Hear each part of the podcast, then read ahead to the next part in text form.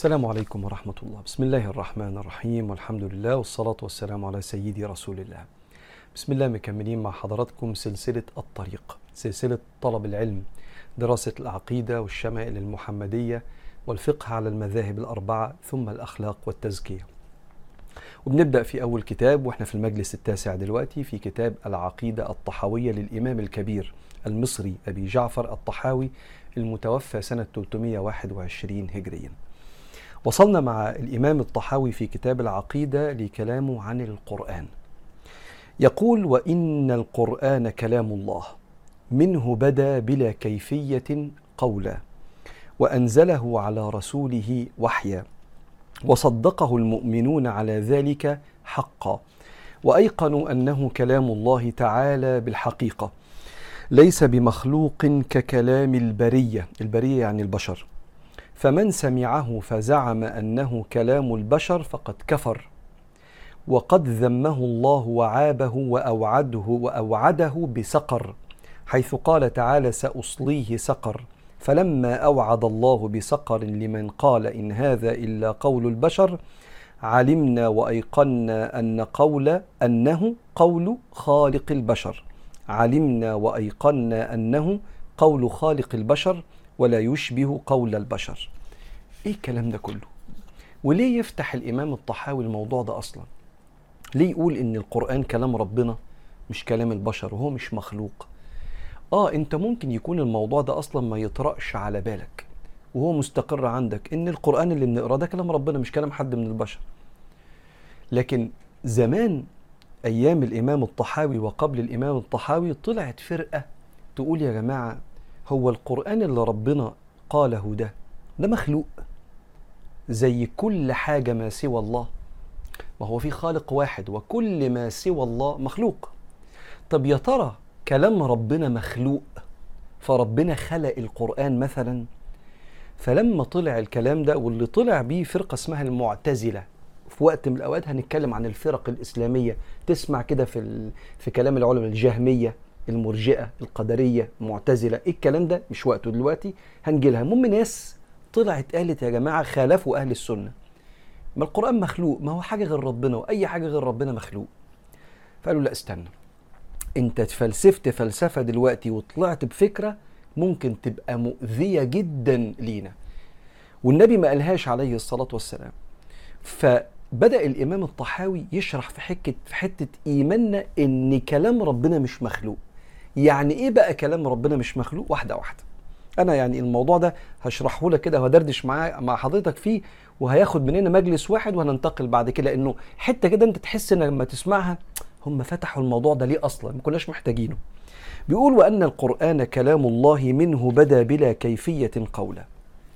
الله سبحانه وتعالى الله إحنا لا نحيط بصفات ربنا. لا نحيط بذات ربنا. هو لما ربنا بيتكلم بيحتاج إيه؟ قال لك ما بيحتاجش لحاجة. أنا عشان أتكلم عشان أقول حرف السين محتاج لساني يبقى ليه علاقة بسناني ومخارج الحروف والقصبة الهوائية بتزق هوا كده. فأنا النهارده عشان أقول لام لازم لساني يخبط في حلق سناني كده. طب لو سناني من هنا واقعة حروفي مخارجها هيبقى فيها مشكلة. في السين واللام طب وبعدين؟ ده أنا نطقي للكلام مفتقر يعني محتاج لقصبة هوائية وهوى ولسان وسنان. ولو الحاجات دي مش موجودة مظبوطة تلاقي عندي في مخارج الحروف حاجة بايظة. فأنا أحتاج للكلام أفتقر أفتقد محتاج لحاجة أتكلم بيها. ربنا مش كده. الله هو الله. لما تكلم تكلم بدا منه القرآن بلا كيفية. مفيش سنان ولسان. آه انت كده بتشبه ربنا بالمخلوقين والله ليس كمثله شيء زي ما خدنا مع بعض قبل كده. فقال له القرآن ده كلام ربنا. طيب واحدة واحدة. الكلام صفة من صفات ربنا. وإن أحد من المشركين استجارك فأجره حتى يسمع كلام الله. وكلم الله موسى تكليما. طب هو زي كده القوة السمع البصر القدرة الحكمة الكلام. الكلام صفة من صفات ربنا فلما ربنا بيتكلم بكلام الكلام ده ما بيبقاش مخلوق. بتبقى صفة من صفات ربنا سبحانه وتعالى صفة الكلام. فكلام الله ليس مخلوق. كلام ربنا الذي بدا من الله. ممكن انت تقوم قايل إيه؟ لا استنى. ما المصحف اللي في إيدينا ده ده شوية ورق إحنا جبنا حبر وحطيناه في الورق وقمنا كاتبين كده بسم الله الرحمن الرحيم ألف لام ميم ذلك الكتاب لا ريب فيه. آه استنى. الحبر ده بتاعنا مخلوق والورق بتاعنا مخلوق لكن الكلام اللي كتبناه لما بدأ من الله لم يكن مخلوقا. التعبير عن كلام الله. أنا كمخلوق لما أقول بسم الله الرحمن الرحيم هذا الصوت مخلوق. والحروف دي مخلوقة فتعبيري عن كلام الله مخلوق لأنه طالع من مخلوق. لكن الكلام نفسه الذي بدا من الله لما ربنا قال في أي سورة من القرآن قال عما يتساءلون عندما قالها الله لجبريل لم يكن هذا الكلام مخلوق هذه صفة من صفات ربنا صفة الكلام. نزل بيه سيدنا جبريل على النبي عليه الصلاة والسلام نزل بتعبير هذا الكلام. هذا التعبير. فنطق به سيدنا جبريل. آه إحنا رحنا هنا لعالم المخلوقين بقى. لكن التعبير عن كلام الله مخلوق. لكن لما ربنا تكلم لم يكن هذا الكلام مخلوقا المصحف مخلوق. آه لأن شوية ورق كاتبين بيه شوية حبر. فهذا تعبير عن الكلام الذي بدا من الله. واحد يقول لي أنتوا بتتفلسفوا ليه كده؟ ما حدش فينا عايز الموضوع ده أصلا. أقول لك لا ما أنت سنة 321 يوم توفى الإمام وقبلها متوفي الإمام وقبلها. لا ده كان في فرق طالعة وناس جاية مسلمين من من قارات تانية وعندهم آلهة كتير بيعبدوها ومش فاهمين إيه حكاية كلام ربنا ده. فلازم فلما دخل أفكار غلط قام العلماء قالوا لا استنى تعال نحط لكم العقيدة عشان ما تتلخبطش. لأن لما تقول إن كلام ربنا مخلوق خلاص ياخد صفات المخلوقين. أي مخلوق ناقص الكمال لله. أي مخلوق ثاني يعني في وقت من الأوقات هقول المخلوق اللي ربنا خلقه ده اللي اسمه القرآن ما ينفعش للزمن ده. ده كان مخلوق للزمان بتاع زمان. تقوليش بقى دلوقتي بسم الله الرحمن الرحيم وآيات المواريث وآيات الحج. دي مخلوقات ماتت. ما هو مخلوق. فيطرأ عليه يجي عليه صفات المخلوقين. قالوا لأ. ربنا كلامه صفاته فيها الكمال وفيها الجمال وفيها الجلال فيها صفات ربنا سبحانه وتعالى. وبالتالي مسألة كلام الله ليس بمخلوق. خدنا أنا بقى أنا عبرت بصوتي. آه صوتي ده مخلوق بس الكلام نفسه اللي ربنا قاله لم يكن مخلوقا لأنه صفة من صفات ربنا. خلي بس أنت عندك الكلام ده يمكن تحتاجه ويمكن ما تحتاجوش خالص لأنك أنت مش معتزلي زي المعتزلة اللي بيقولوا كلام مخلوق وعندهم آراء تانية خالفوا فيها أهل السنة. أنت راجل بتاع ربنا وأنت ست بتاعت ربنا ماسك القرآن وبتقدسه بس خلي المعلومات دي عندك. وحصل بقى فتنة اسمها فتنة خلق القرآن. وجه أحد خلفاء المسلمين وأم اقنعوا الوزير بتاعه كان اسمه ابن أبي دؤاد الوزير بتاعه أن القرآن مخلوق فبقى بيحارب على الموضوع ده وقتل علماء كتير قالوا لا القرآن مش مخلوق وعذب سيدنا الإمام أحمد بن حنبل لغاية ما ربنا نصر عقيدة المسلمين أن القرآن كلام الله ليس بمخلوق على إيد سيدنا الإمام أحمد بن حنبل ودي أحد أسباب تسميته بإمام أهل السنة. طيب فبيقول الامام هنا والقرآن كلام الله منه بدا هذا الكلام بدا من الله. بلا كيفية. مش بحروف زي بقي وب... لا بلا كيفية. قولا وأنزله على رسوله وحيا. يعني إيه؟ سيدنا محمد عليه الصلاة والسلام لم يتلقى ألواح زي سيدنا موسى اللي تلقى الألواح من ربنا سبحانه وتعالى. إنما نزل وحي من ربنا والوحي إعلام بخفاء. ده تعريف الوحي. إعلام بخفاء يعني سيدنا محمد جاله سيدنا جبريل وكان يجيله في أكتر من صورة. إما يقرأ عليه القرآن وإما يجيله في صورة سيدنا دحية الكلبي كان يتمثل في صورة بشر سيدنا جبريل في صورة أحد الصحابة. وإما سيدنا محمد يسمع القرآن من سيدنا جبريل دون أن يراه. وإما إن الوحي يأتي لرسول الله كما في القرآن إن رؤيا الأنبياء وحي. في صور كثيرة لوحي ربنا للأنبياء.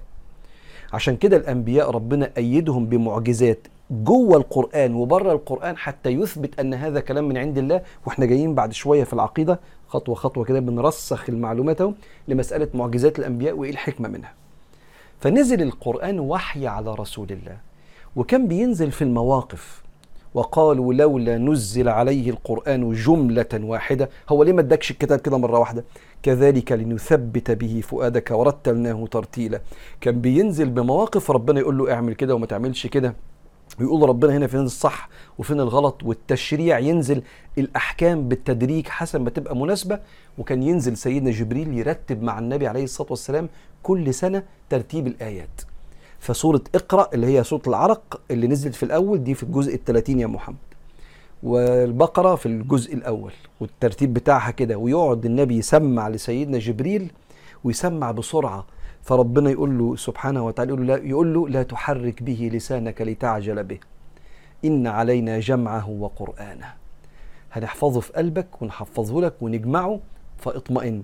فإذا قرأناه لما تسمعه من جبريل فاتبع قرآنه اسمعه منه.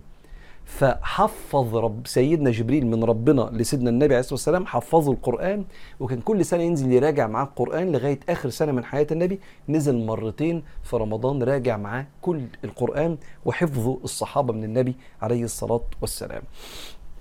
بدا منه بلا كيفية وأنزله على رسوله وحيا وصدقه المؤمنون على ذلك حقا. آه إحنا كمؤمنين بالله ورسوله شايفين إن المصحف ده من أول الفاتحة من الجنة والناس كله كلام ربنا.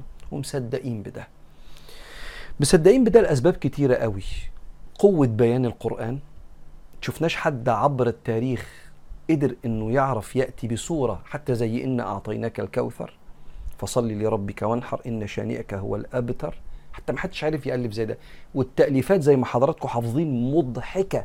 اللي بيحاول فيها يألف زي القرآن. من لدن مسيلمة الكذاب لغاية آخر ناس بتحاول تألف. قوة بيان القرآن. وتحدي ربنا إن حد يعرف يجيب آيات زي دي. فعلا كلام مش زي البشر. مش زي كلام البشر. وحتى المشركين أصحاب قوة البيان والشعر كانوا يسمعوا القرآن كده يقولوا لأ ده مش كلام بشر ده. مش كلام بشر. واللي كفر بيهم وقال كلام بشر عشان ما عرفش يقول على النبي ساحر لرجاحة عقل النبي ولا كاهن لأن عمره ما كان كاهن. طب خلاص نقول ده قول البشر ده خلاص. حد بيعلمه له وخلاص. طب ماشي بتقولوا قول بشر ممكن تجيبوا زيه ما عرفوش. قعدوا يقولوا إنا أعطيناك التفاح فصلي لربك وارتاح إن شانئك هو العجن النطاح والناس تضحك على الكلام ده ومحدش يؤمن بيه. فقوة البيان الإعجاز الإعجاز اللي في القرآن في الظواهر المستقبلية سواء اللي اتقال وقت النبي هتحصل بعد شوية وحصلت في حياة النبي أو اللي اتقالت هتحصل في المستقبل وحصلت بعد وفاة النبي بسنين طويلة. في إعجاز لأ في رب يعلم الغيب بيقول معلومات هنا. الحاجة الثالثه اللي بنصدق بيها القرآن الحال. الحال اللي لما تسمع فيه القرآن لأ. القلب السوي لما يسمع القرآن لأ في حاجة في حاجة مختلفة. في شيء في أثر كلام الله على القلب. بعض أصحابنا عنده انسرتينيتي في حياته عموما. شيء كده من إيه؟ عدم التأكد من حاجة. فتلاقيه كده يقول طب مش عرفني إن ده كلام ربنا. مش عرفني إن ده القرآن. مش عرفني إن ما دخلوش تحريف مش عرفني. أيوه وبعدين؟ لو أنت عامة عندك شك في كل حاجة وما عندكش يقين في حاجة في العقائد ما ينفعش فيها كده يا صاحبي. لو انت مش متأكد هو اللي في ايدين ده بجد يعني الآية بتاعت الحجاب دي بجد يعني الآية بتاعت المواريث دي بجد يعني الآية بتاعت مش عارف الحكم ده بجد. طب بس برضه يعني إحنا متأكدين؟ كمل الرحلة.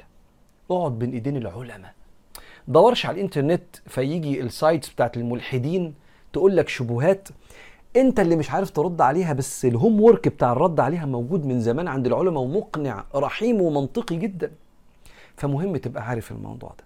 لو انت عايز تطمن انه كلام ربنا روح عند العلماء قول لهم يا جماعة أنا عندي كده حاجة في بالي مش قادر أصدق قوي إن اللي في المصحف ده محفوظ إنا نحن نزلنا الذكر وإنا له لحافظون.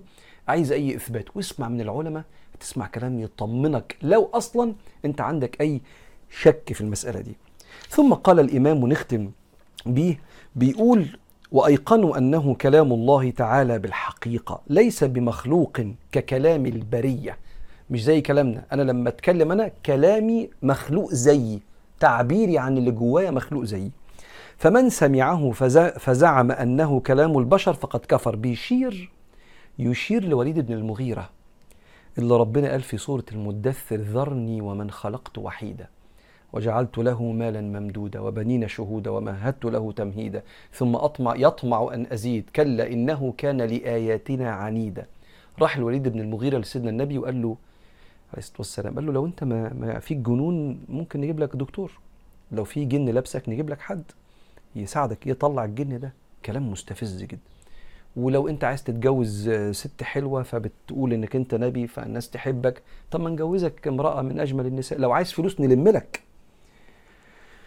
أفرغت يا أبا الوليد؟ قال له قال له اسمع مني. حاميم تنزيل من الرحمن الرحيم. كتاب فصلت آياته قرآنا عربيا لقوم يعلمون. بشيرا ونذيرا فأعرض أكثرهم فهم لا يسمعون. تغير وش الوليد؟ كلام يفتح أي قلب ويحرك أي قلب. حط إيده على فم النبي وقال ناشدتك الله. خلاص لو سمحت. وقام. دخل على المشركين. ما هو كان جاي للنبي يستفزه ويقول له كلام كده؟ أما نشوف ممكن نراضي محمد بيه ويبطل ادعاء النبوة. في كلامهم يعني. رجع لهم بوجه آخر. قالوا له يا, يا وليد بن المغيرة مالك إيه اللي حصل؟ ده مش كلام بشر يا جماعة. إن عليه لحلاوة وإن أعلاه لمثمر وأسفله لمغدق. يعني عايز يقول كلام معناه ده كل حرف فيه يا جماعة فيه فيه فايدة. أنا قلبي اتغير. طب هنعمل إيه؟ الناس لو شافتنا بنقول كده على كلام محمد طب وبعدين؟ فقعد يفكر كده إنه فكر وقدر. فربنا يقول فقتل كيف قدر ثم قتل كيف قدر ثم نظر. ثم عبس وبصر. قعد يقول طيب نعم فكر كده فجيبينه عمل كده. ثم أدبر واستكبر. فقال إن هذا إلا سحر يؤثر. ده محمد ده سحر وبيقول كلام من عنده. إن هذا إلا قول البشر. فبيقول له هنا بقى في العقيدة فمن وقد ذمه الله وعابه وأوعده وأوعده بسقر حيث قال سأصليه سقر. فلما أوعد الله بسقر سقر حتة في النار. دركة مش درجة الدرجات في الجنة. النار دركات بالكاف. ففي درك من دركات النار اسمه سقر. سأصليه سقر. لما قال إن هذا إلا قول البشر علمنا وأيقنا أنه القرآن قول خالق البشر ولا يشبه قول البشر. ده كانت مسألة خلق القرآن باختصار شديد جدا واللي عايز يستزيد العلماء في الأزهر شرحوها بشكل أوسع تقدر تدور عليها. ده كان كتاب العقيدة الطحاوية في المجلس التاسع من سلسلة الطريقة